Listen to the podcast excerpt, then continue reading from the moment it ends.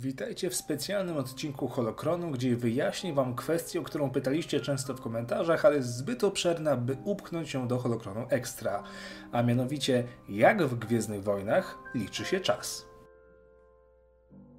W świecie Gwiezdnych Wojen czas liczony jest podobnie do naszego, ale z pewnymi różnicami. Po pierwsze, podstawowe jednostki czasu w przestrzeni Republiki i państw sukcesorskich wylicza się według kalendarza Republiki, który jest oparty na czasie określonym w stolicy, czyli na Coruscant. Tamtejszy kalendarz jest księżycowo-słoneczny, czyli obliczany na podstawie rotacji planety wokół jej gwiazdy i satelity Centaxa 1. Poza kalendarzem standardowym, na każdej planecie czy księżycu istnieją kalendarze lokalne, uzależnione od lokalnych warunków. Oczywiście poza Republiką nie uznaje się republikańskich kalendarzy. Standardowe jednostki czasu bazujące na systemie korusańskim to 60 sekund to 1 minuta, 60 minut to 1 godzina, 24 godziny to 1 dzień, 5 dni to 1 tydzień, 7 tygodni, czyli 35 dni to 1 miesiąc. 368 dni to 10 miesięcy plus 3 festiwalowe tygodnie, 3 święta, co w sumie daje jeden rok.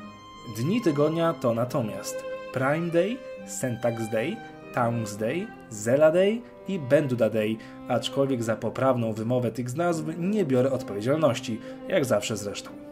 Tygodnie festiwalowe to natomiast New Year Fit Week, czyli pierwszych 5 dni w roku, Festival of Life, 5 dni między 6 i 7 miesiącem oraz Festival of Stars, czyli 5 dni między 9 i 10 miesiącem. Samych miesięcy mamy natomiast 10. To tyle jeżeli chodzi o kalendarz republikański.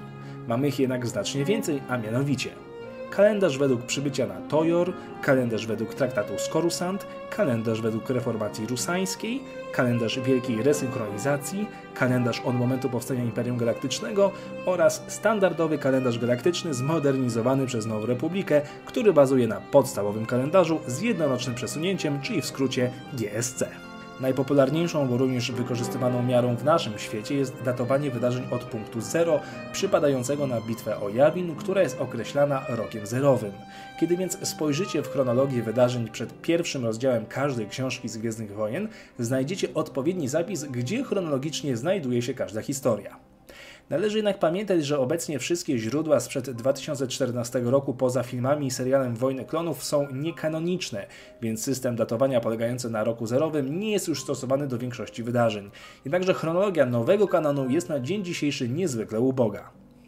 To wszystko w tym temacie. Jeżeli szukacie dodatkowych informacji, odsyłam Was do linków w opisie. Ja dziękuję za oglądanie i niech moc będzie z Wami.